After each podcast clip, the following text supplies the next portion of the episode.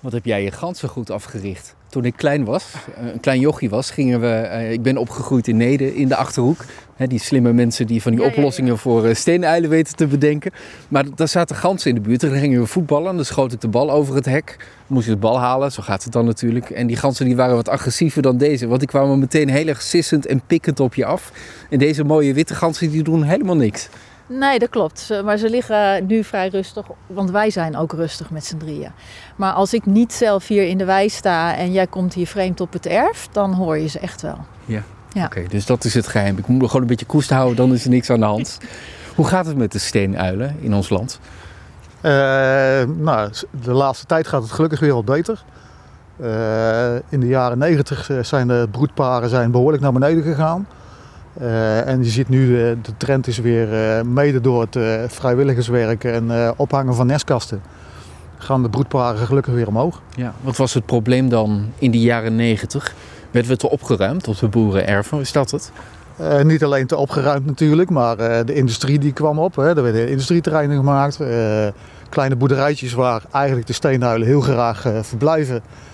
werden groter natuurlijk. Dus ja, dat een heeft met wel met het ander te maken. Ja. Ja. En toen zijn er veel nestkasten geplaatst, zoals ook hier bij jou. Ja. En dat is een beetje de sleutel tot het gevonden succes?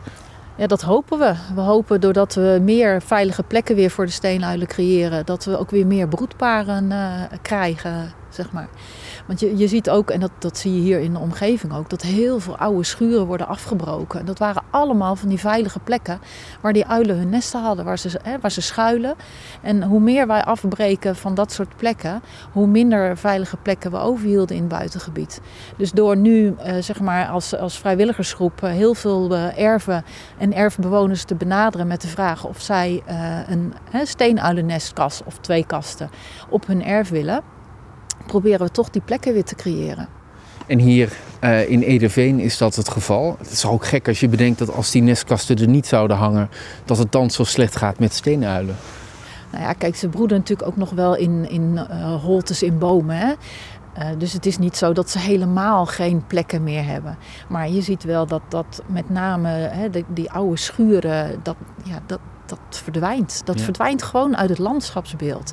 En dat was wel iets waar je die steenuilen veel vond. Het is eigenlijk meer ehm bosuilentijd dan steenuilentijd. Hè? In dit jaargetijde wel, Ja.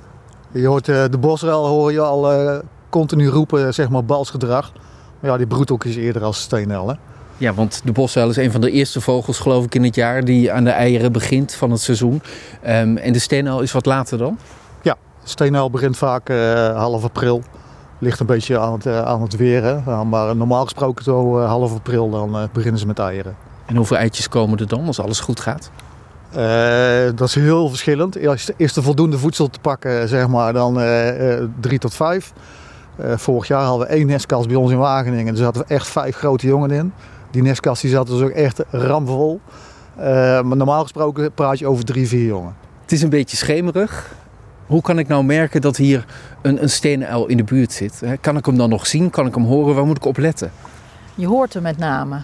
Zien, zien is altijd nog wel een tweede, maar je hoort ze. Ze hebben echt een heel stereotyp geluid. Ja, en dat heb jij in je telefoon, hè? Wil je het er nog eens bij zoeken? Dan kunnen we zo meteen met dat geluid afsluiten. Hoe vaak hoor jij dit rondom je huis, dat geluid? Bijna dagelijks. Ja.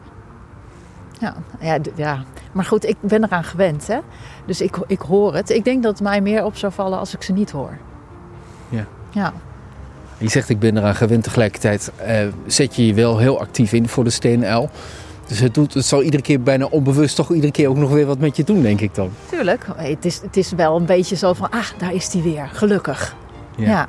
Ja, zeker. Een fijn gevoel als je dat geluid hoort. En heb je dan voorkeur voor eh, de baltroepende man?